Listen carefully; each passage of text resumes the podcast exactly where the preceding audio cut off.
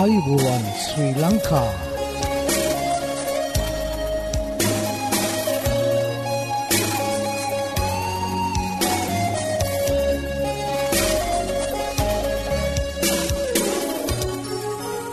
ඔබට සුපදවස මේ Adventist World radio බලාපොරොත්වය හඬ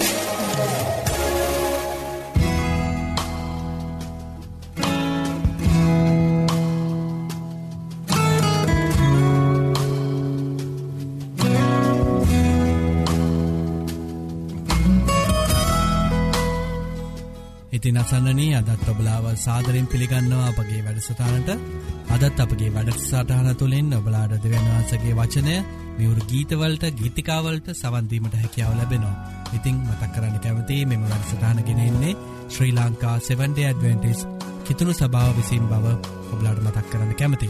ඉතින් ප්‍රැදිී සිටින්න අප සමඟ මේ බලාපොරොත්තුවය හඬයි. අද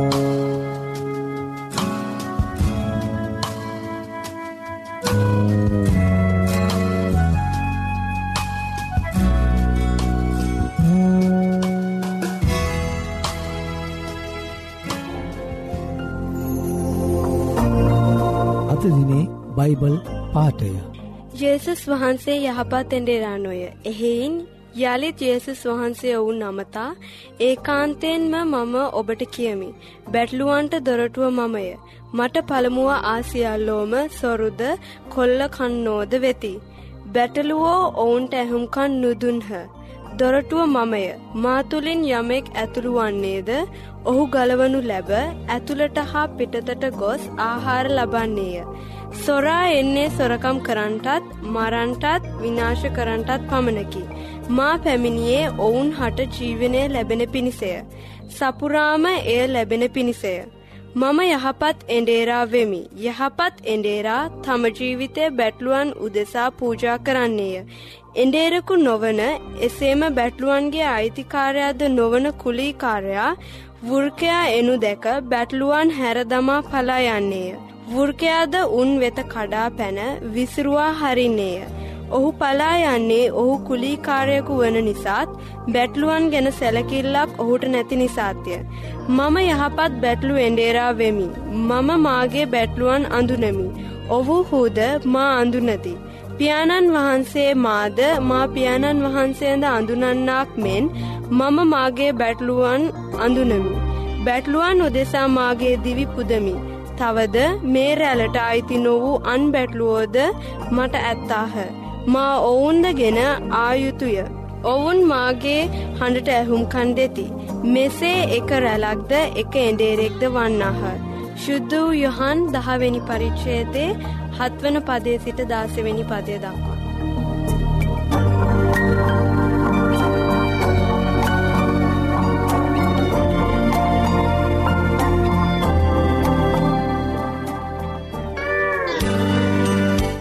ආයුබෝවන් මේ ඇඩවෙන්ටිස් වර්ල් රේඩියෝ බලාපොරොත්වය හඬ.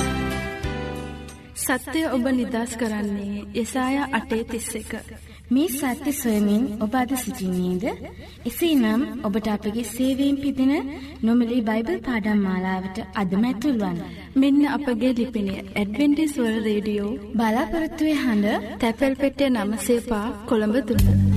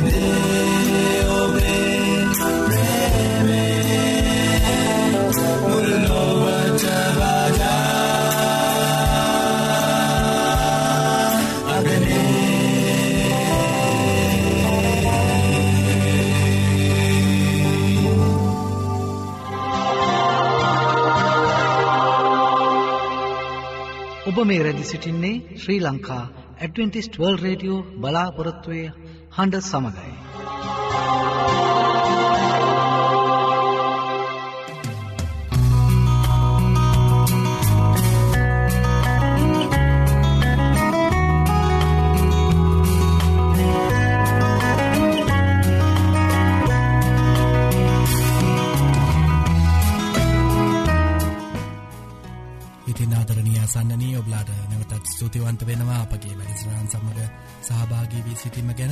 අද දවසේ ඔබලාට දෙවියන් වහන්සේගේ වචනය ගෙනීමට පැමිණ ඇත්තේ ගෝපිනාත් දේවගැතිතුමා ඉතින් මෙතැන් පටන් ඔහු ගෙනෙන්න්නාව වේ දෙවන් වහන්සේගේ වචනවලට අපි ඇහුම් කන්තීමට සූදානාමයම නැදී සිටින් අප සමඟ මේ බලාපොරත්තුවේ හඬ. අයිබෝවන් ඒවගේම සුබ දවසක් සෑම කෙනාටම. අද දවසේදී කතා කරන්නට යන්නේ ඇයි අපේ ජීවිතය ගැටලු එවගේම මේ ප්‍රශ්න එවගේම අපිට ඇයි මේ ගොඩාක් පීඩා එන්නේ කියන කාරණාවන් ගැන අපි කතා කරන්නටන එවගේම අපි බලන්ටයනවා ඒ බයිබලේ චරිතයක් ගැන. ඒ ඔහුට කෝමද ඒ බාධා පීඩා ආවේ? ඒ තුළින් ඔහු කෝමද ජයගත්තේ? උන්වහන්සේ ඔහුට කෝමද හුට ආශීර්වාද කළේ කියන කාරණාවන් අපි අද බලන්ටයනවා. ඉතින් ඔබලාගේ බයිබල් පෙරලගණ්ඩ මාත එක්කම ජෝබ් පළවෙනි පරිච්චේදී. ඉතින් මේ අපි මේ අද කතා කරන්නට යන්නේ මේ ජෝබ්ගේ ජීවිත කතාව. ඉතිං අපි සමහරලාට කලකිරෙනවා ඒ අපේ ජීවිතය තුළ යම්කිසි කරදර පීඩාවක් ආපුගාම අපේ ප්‍රශ්න අහන උන්වහන්සේකින්. ඇයි ස්වාමිනි මේ දේවල් මට වෙන්ට සිදුවන්නේ. ඇයි මෙච්චර දෙයක් මට සිදුවනේ ඇයි මගේ පවුලට මෙහෙම දෙයක් සිදුවනේ එමනත්තම් මගේ සමාජයට ඇයි මෙහෙම දෙයක් සිදුවනේ එමනත්තං අහනවා ඇයි මගේ සෞදර සෞදරය මගේ ආචිසියට මේ වගේ තර්ජනයක් සිදුවනේ කියන කාරණාව අපි බොහෝ අවස්ථාවලදී අහනවා. ඒවගේම අපි අහනවා උන්වහන්සේ බලවත්නම් උන්වහන්සේට හැම දෙයක්ම කරන්ට පුළුවන්නම් උන්වහන්සේට හැම දෙයක්ම පේනවන ඇයි මේ වගේ පීඩාවන් අපේ ජීවිත තුළට එන්ට දුන්නේ? මේ වගේ සමහර අවස්ථාද මේ වගේ කරුණු කාරණ අපි උන්වහන්සගෙන් බොහෝදුර බොහ අවස්ථාවල්දි.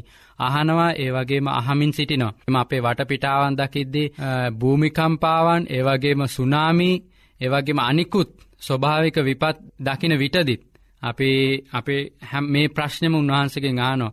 උන්වහන්සේ බලවත්නං ඇයි අපිට මේ දේවල් සිද්ධ වෙන්න ඇයි මේ මනුෂ්‍යන් මෙහම විනාශ කරන්නේ ඇයි කියෙන කාරණාවන් අපි උන්වහන්සගේ නිතර නිතර අපේ ජීවිතයේදී අහනවා. ඉතින් මේ ජෝබ්ගේ කතාව ජෝබ්ගේ කතාව ඉතා වටින කතාවක් සමහරාය මේක මනක්කල්පිත කතාවක් කියලා විශ්වාස කරන නමුත් අපි ක්‍රස්තියානිකාරයන් හැටියට අපි විශ්වාස කරනවා මේ ජෝබ්ගේ කතාව ඇත්ත සිදුවීමක් බව අපි විශ්වාස කරනවා. මේ කතාව සිදුවනෙත් ගොඩාක් කාලෙකට ඉස්සරදි. මේ කතාව සත්‍ය සිදුවීමක් බව අපි විශ්වාස කරනවා. ඉතිං අපි ජෝබ්ගේ කතාව කියවොත් ජෝබ්ගේ පොතේ පලනි පරිච්චේදී. ඒ පොත තිබෙන්නේ ඒ එස්තර්ගේ පොතට පසුව ඉතිං යෝබ්ගේ පලවෙනි පරිච්චේදී අපි කියවොත් යෝබ් නම් මනුෂ්‍යෙක් ඌස් දේශයේ සිටියේය. ඒ මනුෂ්‍ය වනහයි නිර්දෝෂී වූ අවංකවු දෙවන් වහන්සේ කෙරෙයි. බය ඇත්තාව නපුරෙන් වැලකී සිටියාව කෙනෙකි. ඉතින් මේ යෝබ් කියන තැනත් මෙතනදී සඳහන් කරන හෝ හිටියේ ඌෂ් දේශය අද ඒක අපි අඳුන්නනවා ඉරාකය කියලා. ඉතින් මේ දේශයේ තමා ඕ යෝබ් කියන පුද්ගලයා ජීවත් වනේ මෙතනදි කාරණාවන් කීපයක් කියනවා ඒ මනුෂ්‍යයා වනහයි නිර්දෝෂයි අවංකයි දෙවියන් වහන්සේට බයයි එවාගේම නපුරෙන් වැලකී හිටපු මනුෂ්‍යෙක් බව මේ කතාව සඳහන් කරනවා. ඉතිං මේ වගේ පුද්ගලයකුට කරදර පැමිණියාම කොයිතරම් දුකක් දැනෙනව ඇතිද අපි අපි බැලුවොත් මේ කතාව අවසානයේදී ඔවට පීඩා ගොඩාක් එනවා. දෙවියන් වහන්සේ ඒ තුළින් පීඩා තුළින් ඔව ශක්තිමත් කරමින් ඒවගේම ඔහුට අවසානෙද ඔට ආශීර්වාද ලබා දෙන බව කියවන්ට පුළුවන්.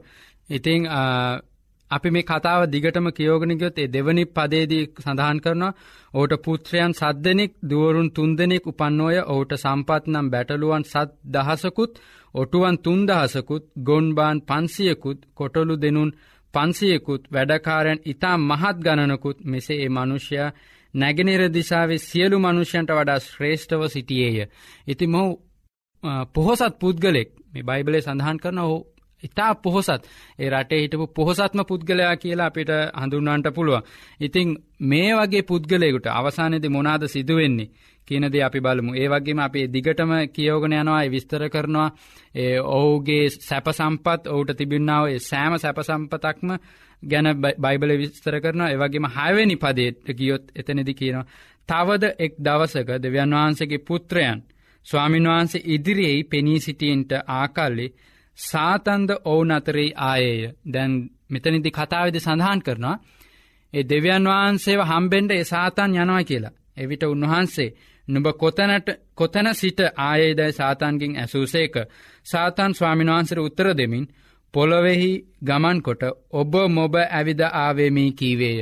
ඉතින් සාතන් උත්තර දෙන උන්වහන්සේට මම මේ පොළොව හැම තැනකටම ගිහිල්ල ඒ එක් කෙනගේ ජීවිතය බලලා ඒ හැම කෙනා දිහාම බලලා මේ පොළොව ඉන්නාව මට ඒ ගොදුරට හවකර ගණඩ පුළුවන් මනුෂ්‍යන්තියා බලලා තමා මේ ස්ථානයට ආවේ කියලා ඒ ඔබ මොබ ඇවිදලා එනවයි කියලා කියනවා මේ සාතන් ජෙසුස් වහන්සේට.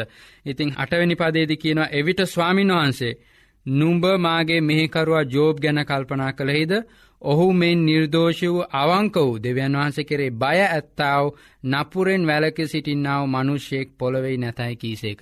මේ උන්වහන්සේ කියන්නේ මේ ජෙසුස් වහන්සේ කියනවා මේ සාතන්ට ජෝබෝ දැක්කද ජෝබ් ගැන හිතුවද ඒ ජෝබ් වගේ මනුෂ්‍යෙක් මේ පොළවෙයි නැහැයි කියලා උන්වහන්සේ සාතන්ට කියනවා. ඉතින් මේ සාතන් අවසානයේදි කියනවා සාතන් උන්වහන්සර උත්තර දෙමින් යෝබ් දෙවියන් වහන්සේ කෙරේ බයවන්නේ කිමකටද ප්‍රශ්නයක් උන්වහන්සකින් ආනවා ඇයි ජෝබ් බයවෙන්නේ ඔබහන්සට ඇයි ජෝබ් සාතන් අහන උන්වහන්සට ජෝබ් බයවෙන්නේ ඇයි. ඔබහන්සේ ඔහු වටකර ඔහුගේ ගෙදර වටකරත් ඕට ඇති සියල්ල වටකරත් හැම අන්තිම වැට බැඳ තිබෙනවා නොවේද. ඔබ ඔහුගේ අත්වැඩට ආශිර්වාද කළසේක ඔහුගේ සම්පද්ද දේශය වර්ධනය වී තිබේ. සාතන් දැනගන්න අමිතනෙදී මේ දහවැනි පදේදී. ඉතාම අපිට විශේෂ පදයක්. උන්වහන්සේගේ පොරොන්දුව ඒ සාතන් දැනගන්න ඒ සාතන් දැනගන්න එක් කොහොමද ඒ ජෙසුස් වහන්සේ ඒ ජෝබ ආරක්ෂා කරලා තියෙන ඉතිම නමවෙනි පදේ. ජෝබ් ඇයි නුඹට බයවෙන්නේ නුඹ හැම දෙයක්ම ඔහුගේ ආරක්ෂා කරලා තියෙන්නේ. ඉති මේ සාතන් දැනගෙන සිනවා ඒ හැම දෙයක්ම ජෝප්ට තිබව හැම දෙයක්ම ඒ උන්වහන්සේ ආරක්ෂා කරලා තියෙන බව. ඒ ආරක්ෂා කරලා තියෙන හින්දා ඒ සාතන්ට අතතියන්ට ජෝප්ට අතතියන්ට බැහැ ඉතිං සහෝදර සහෝදරණී අපේ ජීවිතය අපි මෙතනෙදමි දහවිනි පදි හරි විශේෂයි නැවතවරැක්මන් කියවන්න ඔබහන්සේ ඔහු වටකර වටකරත් ඔහුගේ ගෙදර වටකරත් ඔහුට ඇති සියල්ල වටකරත් හැම්ම අන්තිම වැට බැඳ තිබෙනවා නොවේද. ඔබ ඔහුගේ අත් වැඩට ආශිර්වාද කළසේක ඔහුගේ සම්පද්ද දේශයේ වර්ධනය වී තිබේ. උන්වහන්සේ හැම දෙයක්ම ආරක්ෂා කරලති නවා ඉතින් සහෝද සහෝදරණි අපි මතක තබාගත යුතු කාරණාවත් තම උන්වහන්සේ අපේ සෑම දෙයක්ම ආරක්ෂා කරලා තියනවා එවගේම අපේ වටේ සිටින්නාව සෑම කෙනාම ආරක්ෂා කරලා තියනවා ඉතිං අපිව උන්වහන්සේ ආරක්ෂා කරලා තියෙනවනම් ඇයි අපි බයවී යුත්තේ. ඇයි අපි අපේ ජීවිතට එන්නව ප්‍රශ්න ගැන බයවිය යුත්තේ. උන්වහන්සේ අපි ආරක්ෂා කළ තින. ඒ බව සාතන් පවා දන්නවා උන්වහන්සේ ඔබවත් මාවත් ඒ ආරක්ෂා කරලා තියෙන බව ඒක ඒ සාතන් අහන්නේ ඔබ ආරක්ෂා කරලා තිනවන මට ජෝබ්ගේ පිටතට අතතියන්ට බැහැ ඒ කාරණාව සාතන් හොඳට දැනගෙන හිටිය. ඉතිං අපේ ජීවිතයත් උන්වහන්සේ අපිව සෑම කෙනාම ආරක්ෂා කරලා තිනවා.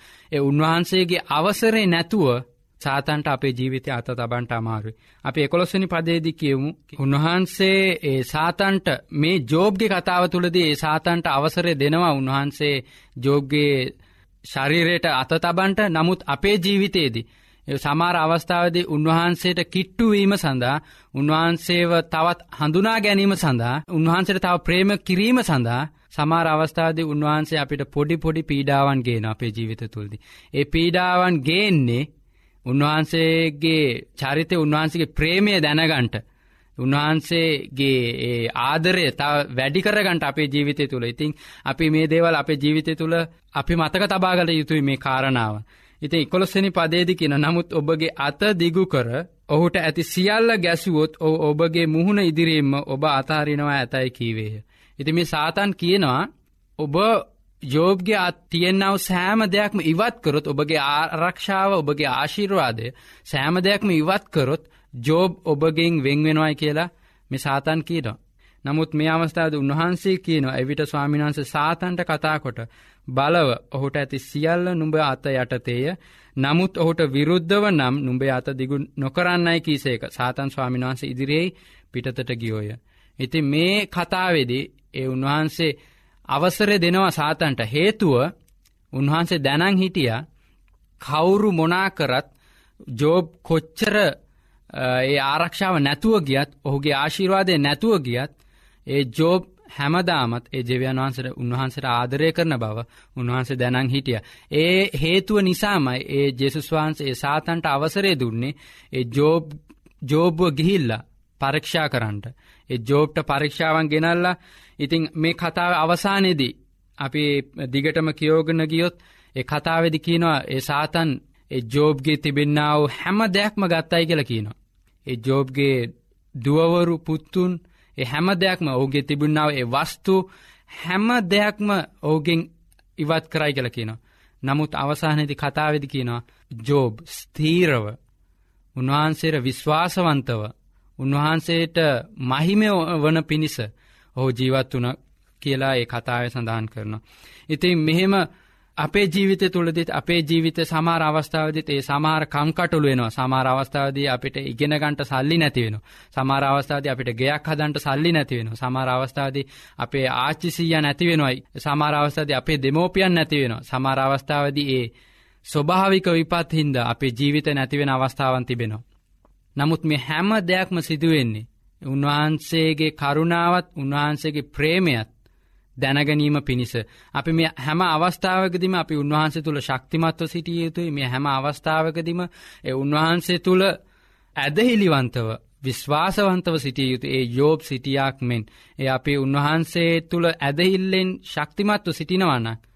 අපිට දෙවන් වහන්සේ ආශිරවාද කරන්නට යනවා. ඉතින් මේ දෙවනි පරිච්චේදී ඒවගේම තුන්ගනි පරිච්චේද ඒ ජෝබ්ගේ අවසාන කතාව හැටියට සාතන් ඔහුට පරීක්ෂා කලායින් පසු ජෝබ්ට කිසිම දෙයක් ඉතුරුන් නැහැ නමුත් ඔහු විශ්වාසවන්තව සිටිය අවසානයේදී උන්වහන්සේ ඔහුට ආශිර්වාද කරනවා. ඔහුට තිබුණාමෙන් දෙගුණයකින් ඔහුට ආශිර්වාද කරනවා. අපේ ජීවිතයේදත් උන්වහන්සේ අපිට ආශිර්වාද කරන්නට යනවා අපිට දෙගුණයකින් ආශිර්වාද කරන්නට යනවා අපි උන්වහන්සේ තුළ ඇදහිලිවන්තව. අපි උන්වහන්සේ තුළ ශක්තිමත්ව උන්වහන්සේ විශ්වාස කරනවනම් ඒ ජෝබ් හිටියාක්මෙන් අපි උන්වහන්සේ විශ්වාස කරන්නට යනවනම් උන්වහන්සේ අපිට දෙගුණ තෙගුණ අපිට ආශිර්වාද කරන්නට යනවා. ඉතින් අපි හැම මොහොතකෙදිම උන්වහන්සේට විශ්වාසවන්ත උන්වහන්සේට ඇදහිලිවන්තව අපි ජීවත්වයමු එසේ කරන්ට උන්වහන්සේගේ ආශිර්වාදය උන්වහන්සේගේ මඟ පෙන්වීම අපි සෑම කෙනාටම ලැබෙනවා එවගේම පොරොන්දුව මතක තබාගන්ට ජෝබ් එකේ දාය අපි සෑම කෙනාවම උන්වහන්සේ ආරක්ෂා කරලා තිනවා ඒ අපි සෑම කෙනාටම උන්වහන්සේගේ ආශීර්වාදය ලවාදීලා තිනවා ඒම නිසා කාටවත් අපේ ජීවිතයට අත තබන්ට අමාරුයි. අපිට පරීක්ෂාවක් එනවනම් ඒ එන්නේ උන්වහන්සට තවත් ලංවෙන්ටත් උන්වහන්සේව තවත් දැන හඳුනගන් පිණිසය. ඉතිං අපිට මොනතරම් බාධාවත් මොනතරම් ප්‍රශ්නාවත් අපි උන්වහන්සේ තුළ ශක්තිමත්ව ඇදෙලිවන්තව අපි ජීවත්වමු. එසේ කරන්ට දෙවන් වහන්සේගේ ආශිර්වාදය ඔබටත් මටත් සෑම කෙනාටමත් ලැබෙන්ට ප්‍රාථනා කරමි. අපි ආඥා කරමු. අහසත් පොළොවත්මා පාලනය කරන්නාව පියාණනී උභහන්සේ එගේ වචන නිසා ස්තුතියි ස්වාමිනි ස්වාමිනී ඒ අපි විශ්වාස කරන ඔබහන්සේ අපි ආරක්ෂා කරන බවත් ඔබහන්සේ අප තුළ සිටින බවත් ඔබහන්සේ අපට ආශීර්වාද කරන බවත් අපි විශ්වාස කරනවා ඒ ජෝබ්ට ආශීර්වාද කලාක්මෙන් බහන්සේ අපටත් ආශීර්වාද කරන බව අපි විශ්වාස කරන ස්වාමිනි ස්වාමිනි උභහන්සේ අපි ඇදහිලිවන්තව උභහන්සේට විශ්වාසවන්තව අපි ජීවත්තෙන්ට අපි සෑම කෙනට මුදාව කරමෙන. මේ යාඥාව භාර කරන අපේ ජීවිත බහන්සර භාර කරන නාසරේ ජේසුගේ උතුමුණ ආමෙන්.